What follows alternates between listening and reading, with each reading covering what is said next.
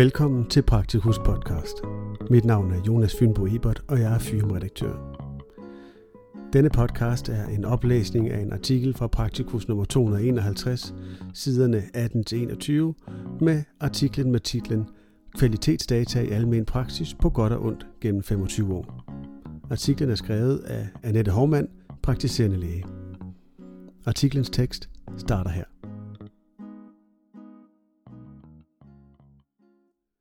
Fra datanaiv pionerånd over brutale fejltagelser til lovlig model for behandling af kvalitetsdata i almen praksis. I begyndelsen af 90'erne havde kun 40% af kollegerne IT-journaler. Systemhusene udviste stor variation i brugerflader. Dataindsamling til kvalitetsarbejde foregik som manuelle audits på papirskemaer. ICPC-diagnosesystemets danske udgave, som blev udgivet af Henrik Schroll og Niels Bensen i 1992, skabte grobund for systematisering af journaler i almen praksis. Midt i 90'erne påbegyndte Schroll og kolleger et forskningsprojekt med forløbsdata sammen med 42 projektlæger, der i et år registrerede alle aktiviteter og patientforløb for 60 udvalgte patienter per læge. Konklusionen blev, at tidsforbruget ved manuel registrering til forskningsbrug var for stort til at kunne fungere i hverdagen. Ved skiftet aftaltes i overenskomsten, at alle praktiserende læger skulle anvende elektronisk journal.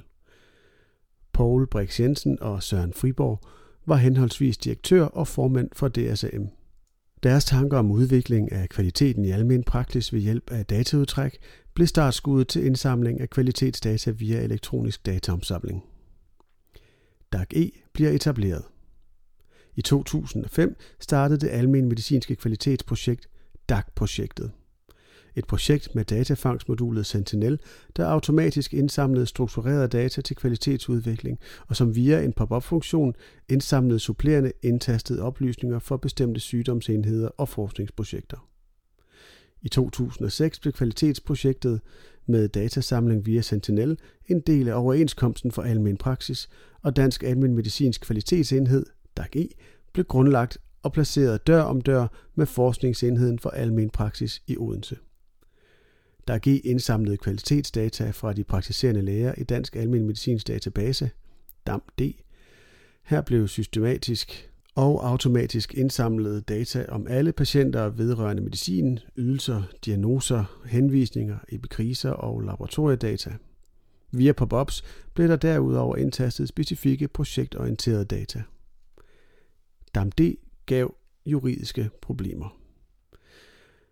Der var desværre en række juridiske problemer med dataindsamling og DAMD. For det første var DAMD en kvalitetsdatabase, der fra starten udelukkende var godkendt til indsamling af kvalitetsdata om diabetes. Siden blev der givet tilladelse til indsamling af data om kol, hjertesvigt og depression. Det betød, at alle andre data, inklusive diagnoser, ikke lovligt kunne placeres i DAMD uden patienternes tilladelse. Det var derfor et alt overskyggende problem, at DAMD indeholdt enorme mængder journaldata, der vedrørte alle patienter og 704 mulige ICPC-diagnoser i almen praksis for en periode på syv år. Langt størstedelen af disse data var dermed ulovligt indsamlet. For det andet var databasen ikke anmeldt til datatilsynet, som loven kræver. For det tredje tillader bekendtgørelsen om kliniske kvalitetsdatabaser udelukkende, at en kvalitetsdatabase høster helbredsoplysninger uden patientsamtykke vedrørende 5-10 godkendte indikatorer for helt afgrænsede sygdomme eller behandlinger. Der må derfor ikke høstes andre informationer om patienten til dette formål. Pop-up-menuerne udgjorde dermed et helt særligt problem, da de kunne indeholde mere end de tilladte 5-10 indikatorer. For det fjerde opnåede konstruktionen af DAG e mulighed for, at forskningsaktive kunne godkende dataudtræk til egne projekter. I strid med reglerne. DAG e servicerede i starten de praktiserende læger, der havde interesse via enkelte standardkvalitetsrapporter. Samtidig med dataindsamling til kvalitetsrapporter blev de samme data også leveret til et stigende antal forskningsprojekter, selvom der manglede de nødvendige tilladelser. I starten var det frivilligt for lægerne at deltage i kvalitetsprojektet via Sentinel-datafangst. For 2013 blev alle PLO-praksis forpligtet til dette via overenskomsten. Langt fra alle kolleger var opmærksom på, at alle journaldata på 704 diagnoser, og ikke kun de fire diagnoser, der var søgt om tilladelse til, blev samlet i DAMD. De praktiserende læger kunne via en valgfri funktion fravælge at sende data til DAMD, udover dem, der skulle indsendes til bestemte og afgrænsede kvalitetsprojekter for de fire diagnoser. En del læger benyttede sig af den, men funktionen blev senere fjernet fra programmet, hvilket skulle vise sig at være ret uheldigt, da de praktiserende læger på den måde blev afskåret fra at løfte deres individuelle dataansvar. DAG i uheldig interessekonflikt. DAMD blev fra starten af drevet af DAG-E. Desværre uden at der var udarbejdet en databehandleraftale med Region Syddanmark, der var den formelle dataansvarlige for databasen. Reelt administrerede DAG e dataansvaret. Den daglige ledelse af DAG e blev varetaget af direktøren, som refererede til en bestyrelse, som var udpeget af DAG-interessenterne, PLO, DSM og danske regioner. Konstruktionen var uheldig, da nogle af de udpegede havde dobbelt kasket, fordi de til lige repræsenterede de forskningsinstitutioner og dermed kunne have egen interesser i dataudtræk. Med andre ord, der blev ikke taget højde for, at dataleverandør og dataansvarlig for DAMD samtidig kunne være dataforbrugere med egen interesse i dataudtræk fra databasen. Interessekonflikten blev talesat af deltagere på flere møder, uden at der fandtes en løsning på problemet. Dataskandalen ruller. I 2014 blev der fra aktive kollegers side sået alvorlig tvivl om lovligheden af, at alle danskers personlige helbredsoplysninger vedrørende alle kontakter til almen praksis indsamledes i DAMD uden samtykke. Det blev et langt og relativt uskyndt forløb, hvor konsekvensen blev, at DAG E den 30. september 2014 blev instrueret i at lukke for den automatiske datahøst i DAMD. Det tog tid at erkende fejltagelserne, og inden databasen blev slettet, benyttede over 40.000 danskere muligheden for at få egne data slettet i DAMD. Patientdataforeningen meldte Region Syddanmark til politiet for misbrug af data. Sagen blev siden tabt i højesteret, hvor det i dommen blev anført, at Patientdataforeningen ikke i sig selv havde tilstrækkelig interesse i sagen og dermed ikke kunne føre sagen. Det havde kun de enkelte borgere, som var registreret ulovligt i databasen. DAMD slettede ved lov. DAMD blev slettet ved lov, efter at Statens Serum Institut SSI fremlagde en omfattende redegørelse om sagen i efteråret 2014. Den konkluderede, at der havde været tilladelse til indhentning af afgrænset kvalitetsdata på fire diagnoser uden samtykke, og at den del af DAMD, der faldt uden for dette, var i strid med lovgivningen. Et flertal i Folketinget besluttede derfor, at Region Syddanmark skulle slette DAMD. I 2015 meddelte Region Syddanmark, at de ulovlige oplysninger var slettet. Skønsmæssigt blev over 95 procent af DAMD-databasen slettet. Kun de ganske få lovlige helbredsdata blev bevaret. Rapporten fra SSI kortlægger forløbet nøje. Det fremgår klart, at både DSM og DAG e flere gange i årenes løb blev informeret om, at der skulle søges om tilladelse til indsamling af kvalitetsdata for hver enkelt sygdomsspecifik diagnose, og at der specifikt ikke var tilladelse til den brede indsamling af data om alle patienter, som blev foretaget via Sentinel med efterfølgende placering af data i DAMD. Det fremgår også, at myndighederne herunder SSI og Sundhedsstyrelsen var vidne om, at den brede dataindsamling foregik historisk lavpunkt og tab af forskningsprojekter. I 2015 blev et lavpunkt for de praktiserende læger, der ikke længere kunne arbejde med deres kvalitetsrapporter og for forskere, som havde baseret deres projekter på data fra DAMD. Den samlede mængde af ulovligheder, som var relateret til DAMD, kostede dermed i sidste ende en del forskningsprojekter livet, da data blev indsamlet uden tilladelse. Det var en meget sørgelig omgang for alle de forskere, der mistede adgang til de data, de havde baseret deres projekter på, og dermed det store forarbejde, de havde lagt i deres projekter. Og de praktiserende lægers øjne blev brutalt åbnet for, at vi har et ufravigeligt dataansvar i forhold til, hvilke patientdata, der bliver eksporteret fra vores patientjournaler. En ny begyndelse tager form. Dataskandalen blev et afgørende startskud til debat både i DSM og PLO om en ny holdning til dataindsamling for almen praksis. Også i myndighedernes regi ændrede det holdningen til indsamling af kvalitetsdata i almen praksis og i de øvrige sektorer af sundhedsvæsenet. Der skulle i fællesskab findes nye veje for at sikre, at de praktiserende læger kunne indsamle kvalitetsdata lovligt til egen læring og samtidig præsentere afgrænsede kvalitetsdata for omverdenen i anonymiseret og aggregeret form, som ikke tillader genkendelse af den enkelte patient eller læge. Dataindsamling til kvalitetsarbejdet skulle genoptages på lovlig og sikker vis med kraftigt fokus på overholdelse af patientrettigheder og den enkelte læges rettigheder og forpligtelser som dataansvarlig. Samarbejdet mellem PLO og DSM blev i den anledning styrket, og DSM blev herefter fast repræsenteret i PLO's IT- og dataudvalg. Arbejdet i udvalget medførte udarbejdelsen af de nye dataprincipper, som PLO's repræsentantskab vedtog i repræsentantskabsmødet i efteråret 2015. Principperne var tænkt som det pejlemærke, PLO fremover skulle have for øje, eksternt og internt, i aftaler om samarbejdet om indsamling af journaldata.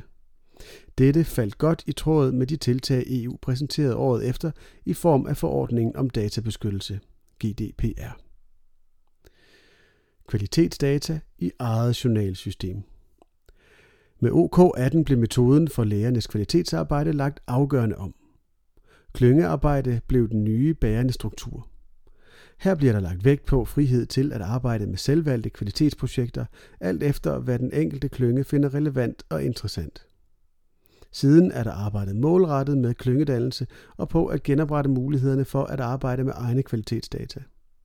Den nye metode betyder blandt andet, at kvalitetsdata forbliver i eget journalsystem via en dataplatform, PLSP, der er bygget op om en fælles standard med ensartet datapræsentation, så kvalitetsdata fra forskellige lægepraksissystemer kan sammenlignes meningsfuldt med hinanden.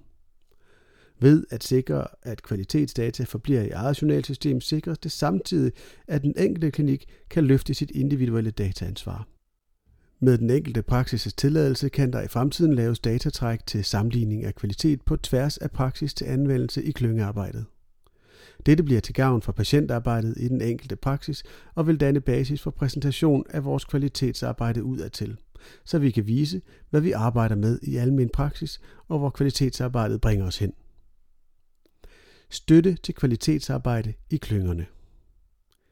KIAP, som er den nye udgave af DAG-E, og de regionale kvalitetsenheder KAP, skal fortsat støtte klyngerne i kvalitetsarbejdet, så der kan tilbydes standardmodeller for dataudtræk til den enkelte praksis og klynge, inklusive sammenligninger af anonymiseret og aggregeret kvalitetsdata på nationalt og regionalt niveau. Denne metode er så småt ved at komme i gang og modnes, så klyngerne kan begynde at få glæde af den. Herudover er det planen, at den enkelte praksis får mulighed for at lave egne dataudtræk til interne kvalitetsprojekter. Alle typer dataudtræk muliggøres af PLSP-modellen, der lægger fælles datatræksmuskler til, så begrænsninger ikke længere ligger i, at de enkelte systemhuse hver for sig skal bruge kræfter på at opbygge og udvikle de tiltagende avancerede faciliteter, dette kræver. Hvor er vi på vej hen? De centrale, nationale og regionale enheder vil bidrage med at udarbejde pakketilbud som støtte til klyngekoordinatorer og læger, som derefter selv kan vurdere, om disse tilbud opfylder deres behov. Der arbejdes på en model, hvor kvalitetsdata fra almen praksis med tiden skal blive meget avanceret, f.eks. med visninger i eget lægesystem, hvor der skabes overblik over den enkelte multisyge patient på tværs af sygdomme og sektorer overblik over tilknytning til speciallæger, ambulatorier, indlæggelser samt hjemmeplejen. Derudover er der tanker om at lave et dashboard, hvor den enkelte praksis får overblik over sin samlede populations kvalitetsdata, f.eks. vedrørende sårbare patienter, defineret ud fra individuelle parametre, som den enkelte praksis kan tilpasse og justere. Kun fremtiden vil vise, hvordan vores anvendelse af kvalitetsdata vil udvikle sig. Basis for et solidt og spændende kvalitetsarbejde er nu støbt som et solidt, patientdatasikkert og lovligt fundament, som giver fleksible muligheder for den enkelte praktiserende læges præferencer og ambitioner på kvalitetsområdet. Hvad så med forskningen? Tiden efter sletningen af DAMD har vist os, at der kan laves utallige gode forsknings- og kvalitetsprojekter. Vores fags udvikling afhænger af, at de praktiserende læger stiller data til rådighed for forskningsprojekter. Data må udelukkende anvendes til det, de er indsamlet til. Skandalen om den ulovlige dataindsamling i DAMD har på dramatisk vis gjort, at de praktiserende læger skal tage dataansvaret meget alvorligt og at der er forskel på dataaflevering til kvalitetsprojekter og til forskning. Skal data anvendes til andet end det primære formål, kræves ansøgning og tilladelse på ny. Data er et fælles ansvar. Ansvaret for at overholde gældende regler og retningslinjer for dataindsamling til forskningsformål skal løftes i fællesskab af lægerne i klinikkerne som dataleverandører, dataansvarlige og datamodtagerne, forskerne. Dataindsamling skal foretages på lovlig vis og baseres på respekt for patienternes rettigheder samt en gensidig respekt mellem dataleverandør og datamodtager. Om forfatteren Annette Hormann er praktiserende læge i Slagelse. Hun er tidligere næstformand i DSM og har i sine fire år i bestyrelsen været DSM's IT- og dataordfører. Hun har i samme periode været medlem af PLO's IT- og dataudvalg, hvor hun fortsat sidder med udpeget af DSM. Annette Hormann har som IT-interesseret gennem mange år oparbejdet særlige kompetencer og viden inden for databaser, programmering og IT-infrastruktur. Artiklens tekst slutter her. Artiklen kunne som nævnt læses i Praktikus nummer 251 på siderne 18 til 21. Musikken til denne podcast er lavet af Andreas Kæmpe.